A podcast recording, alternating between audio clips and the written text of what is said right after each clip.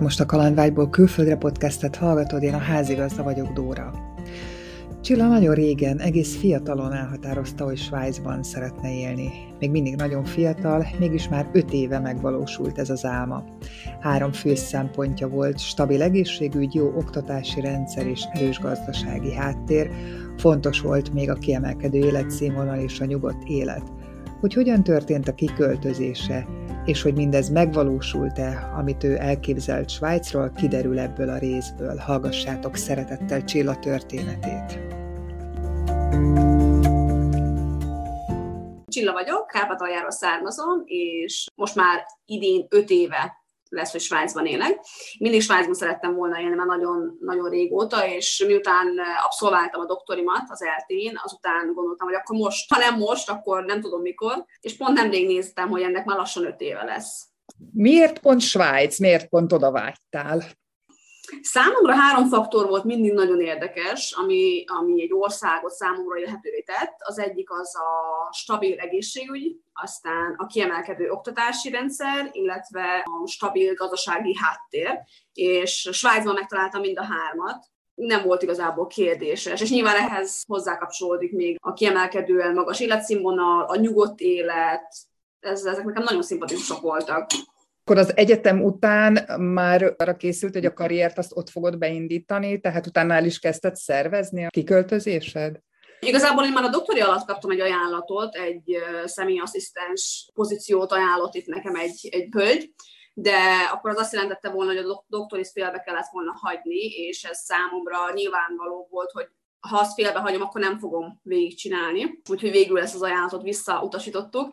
A doktori után én óperként jöttem ki egy évre Svájcba, hogy megnézzem, hogy élőben is olyan lesz a Svájc, mint amilyennek én elképzeltem. Előtte még soha nem jártam itt, és abszolút azt tudom mondani, hogy beváltak a számításaim. Az év alatt megtanultam németül, ezzel lehetőségem nyílt arra, hogy a svájci munkaerőpiacon megvessem a lábamat mert az Oper program az igazából az egy kulturális csereprogram, tehát elmész egy idegen országba, megtanulod a nyelvet, megnézed, hogy működik az ország, milyen a felépítése, milyenek az emberek. Nyilván biztosítja a program számodra a, a lakhatást, a teljes ellátást, biztosít egészségbiztosítást, meg mindent, amire szükséged van. Nyelvtan folyamot, stb., de a zseppénz az csak egy ilyen 800 frank körüli összeg Svájcban, ami jelenlegi árfolyamon szerintem 250 ezer forint körül mozog, de ez tényleg csak zseppénz, tehát ebből semmit nem lehet csinálni. Nekem a nyelv nagyon fontos volt, mert tudtam, hogy ahhoz, hogy rendes fizetésem legyen, ahhoz szükség van arra, hogy, hogy a nyelvtudásom az kiemelkedő legyen.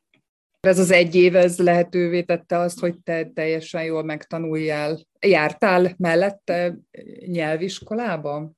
Az Opel program az biztosít heti három nyelvórát, viszont nekem a családdal sikerült megbeszélni, hogy én inkább egy magántanárral tanulnék, és vele online tanultam, Skype-on keresztül, és minden egyes áldott nap volt egy német órám, ami azt jelenti, hogy több mint 360 órám volt az év alatt, és én nem beszéltem egy munkot se németül, úgy költöztem ki Zürichbe, és szerettem volna kihozni belőle maximumot. Sokkal a program lejárta után tettem felsőfokú német nyelvvizsgát, úgyhogy úgy gondolom, hogy megérte az összes kínszenvedés, ami a grammatikához kapcsolódott.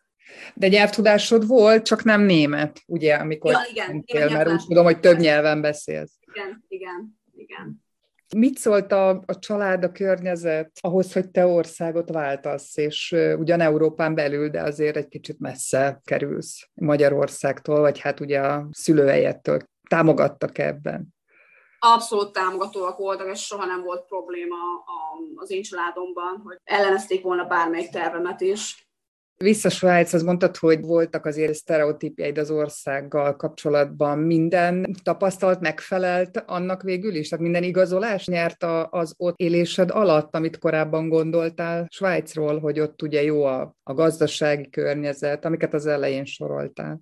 Abszolút maximálisan. Erre hirtelen, ha szeretnél példákat erre hallani, én Magyarországon is jól kerestem, a doktorom mellett egy orosz cégnél dolgoztam, ügyvezető asszisztens pozícióban, és az 7 évvel ezelőtt is kiemelkedő bérezéssel járt, viszont ilyen szempontból a jelenlegi fizetésem az meg és nekem is 24 órából áll egy nap, én is napi 8 órát dolgozom, úgyhogy ha csak az anyagi szempontját nézzük, akkor mindenképp.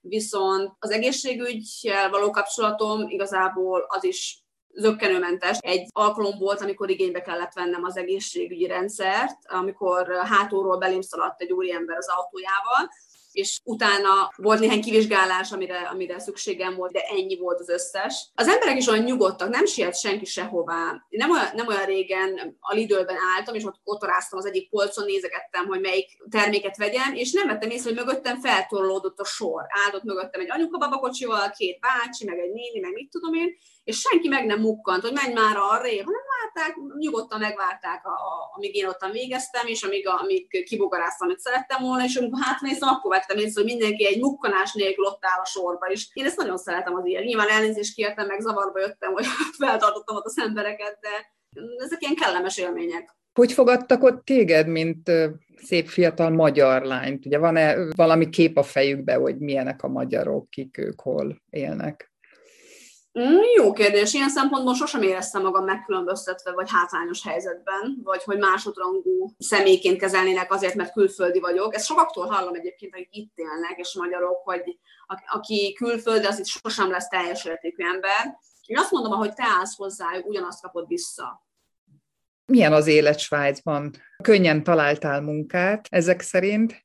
Jelenleg én a reptéren dolgozom, de most pont munkaváltásban vagyok, februártól átvándorlok a, a bankszektorba, úgyhogy most már a felmondásomat töltöm. Jelenleg marketing területen dolgozom, és abszolút egy nemzetközi csapat tagja vagyok, tényleg szerintem egy ilyen 40-50 nemzetiség biztos dolgozik itt, és nagyon jól jöttek a nyelvek, az orosz, az angol, a német, a magyar, Szóval a nyelvtudással nem esett nehezemre elhelyezkedni. Viszont itt azt vettem észre, hogy Svájcban nagyon ritka, aki egy vagy két nyelvet beszél. A legtöbb ember általában azért, azért három plusz nyelvet beszél és tisztességes szinten. Nem azt mondom, hogy egy politikai előadást meg tudnának tartani, viszont kenyeret kérni a boltban, vagy, vagy egy hétköznapi beszélgetést egy ilyen negyed órán keresztül fenntartani, nem esik nehezére igazából senkinek.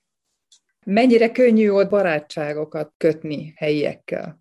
Én alapvetően nyitott ember vagyok, nem éreztem sosem, hogy nekem ez nehéz lenne barátkozni vagy ismerkedni. Nem volt ezzel problémám. Most az elmúlt évek alatt nem azt mondom, hogy, hogy minden nap megismerkedek valakivel, de, de vannak bőven barátaim. Magyarokkal vagy kapcsolatban? Igen, igen, főleg az interjúsorozat miatt, amiket készítek, azokon keresztül sokan megtalálnak, de ezen kívül ettől eltekintve is alakultak magyar barátságok, úgyhogy ennek nagyon örülök. Ha valaki azon gondolkodna, hogy Svájcba költözik, tudnál-e neki valami jó tanácsot szolgálni? Van-e arra rálátásod, hogy például hogy milyen szakmával érdemes neki vágni? A legelső tanácsom, amit mindig el szoktam mondani, hogy a nyelvtudás az nagyon fontos. Mindegy, hogy melyik nyelvterületre, a németre, az olaszra vagy a francia részre jönne valaki, hogyha a nyelvet beszéled, az egy akkora előny, Szerintem az a, az, az, az a legfontosabb, mert hogyha ha az a cél, hogy Svájcban élj, akkor nyelvtudással fogsz találni valamit, még ha nem is a szakmádon belül, vagy hogyha a szakma fontosabb, hogy te a saját szakmádon belül elhelyezkedj, akkor, akkor meg végképp nagyon fontos a nyelv, hogy labdába tudj rúgni a helyiek mellett, akik szintén ugyanezt a szakmát végzik. Csak annyi az előnyük, hogy ők, ők itt is élnek a leg, legfontosabb a nyelvtudáson kívül, hogyha valaki ide költözne, hogy először kell munkát találni, és utána lakást. Ez lehet, hogy butaságnak hangzik, de lakásból elég sokat lehet válogatni, de ha nincs munka húzamosabb ideig, akkor a svájci megélhetési költségek nagyon magasra rúgnak, hogyha az embernek nincs megfelelő tartaléka. Mit ad neked az az ország? Mi az, ami ott tart téged?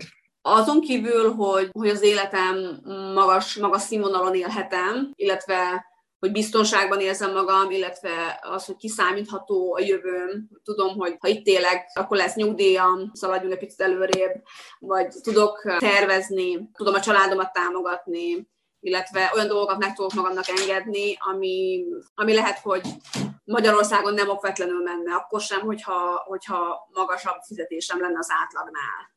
Ott tervezel egyébként? Igen, igen, maximálisan, abszolút. Jársz haza? Persze, a korona előtt ilyen két havonta szoktunk hazamenni. Na most ez az elmúlt másfél évben ilyen évi két, két-három alkalomra redukálódott. Most az idei nyár az kicsit jobb volt, itt többször sikerült hazamenni, meg gyakrabban. Hogy érzed, változtál-e azóta, mióta kint élsz, hogy van-e valami új tulajdonság, ami így ott alakult ki az ottani életkörülmények miatt? Ez egy jó kérdés. Mindig céltudatos voltam. Lehet, hogy abban változtam, hogy most már hamarabb felismerem, hogy mi az, ami jó nekem, és mi az, ami nem. Én amikor ezt a lakásomat, amikor kivettem, akkor itt, egy, itt egyébként a lakásbérlés az úgy működik, hogy megadnak egy időpontot, és akkor te elmehetsz 20-25-30 másik emberrel egy időben megnézni azt a lakást. Az még semmit nem jelent, az csak annyi, hogy te ott elmentél, körbenéztél, kitoltad a jelentkezési lapot, amin tulajdonképpen mindennek fel kell lenni tüntetve, a fizetésettől kezdve a munkahelyeden át, a főnököd nevén, telefonszámá elérhetőségén keresztül, van-e állatod, játszol-e valamilyen hangszeren, van-e valami káros tulajdonságot, dohányzol, stb. Egy csendes ember vagy parti ember vagy, ezek, ezek fel vannak tüntetve, és a lakásnak a tulajdonosa, vagy általában az ingatlanos cég, aki ezzel foglalkozik, az megnézi a jelentkezéseket, és az alapján választanak, hogy melyik a szimpatikus. És én amikor meglátom a lakásomat, akkor mondom, hogy na, nekem ez a lakás kell, kerül, amibe kerül.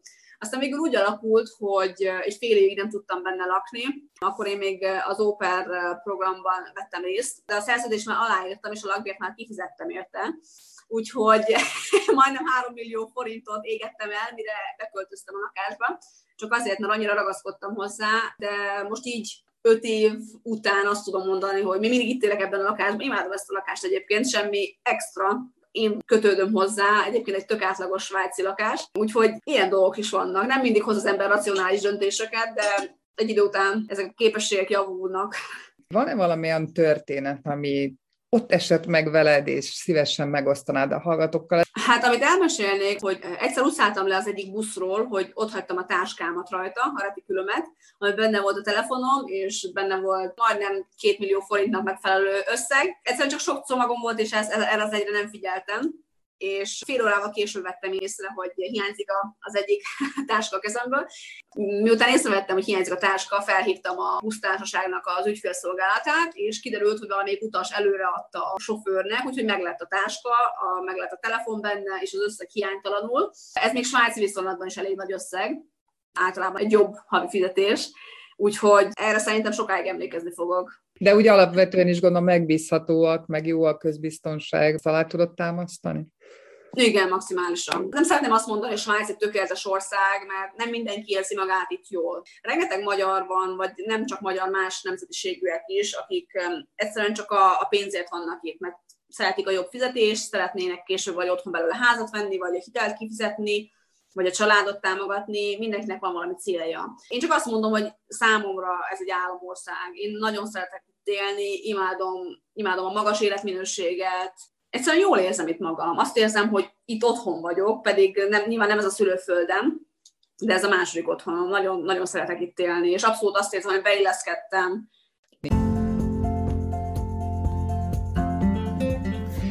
Köszönöm, hogy meghallgattad Csilla történetét, remélem, hogy tetszett. Ha nem szeretnél lemaradni a következő epizódról, érdemes feliratkozni a csatornára. Tarts velem a következő részben is.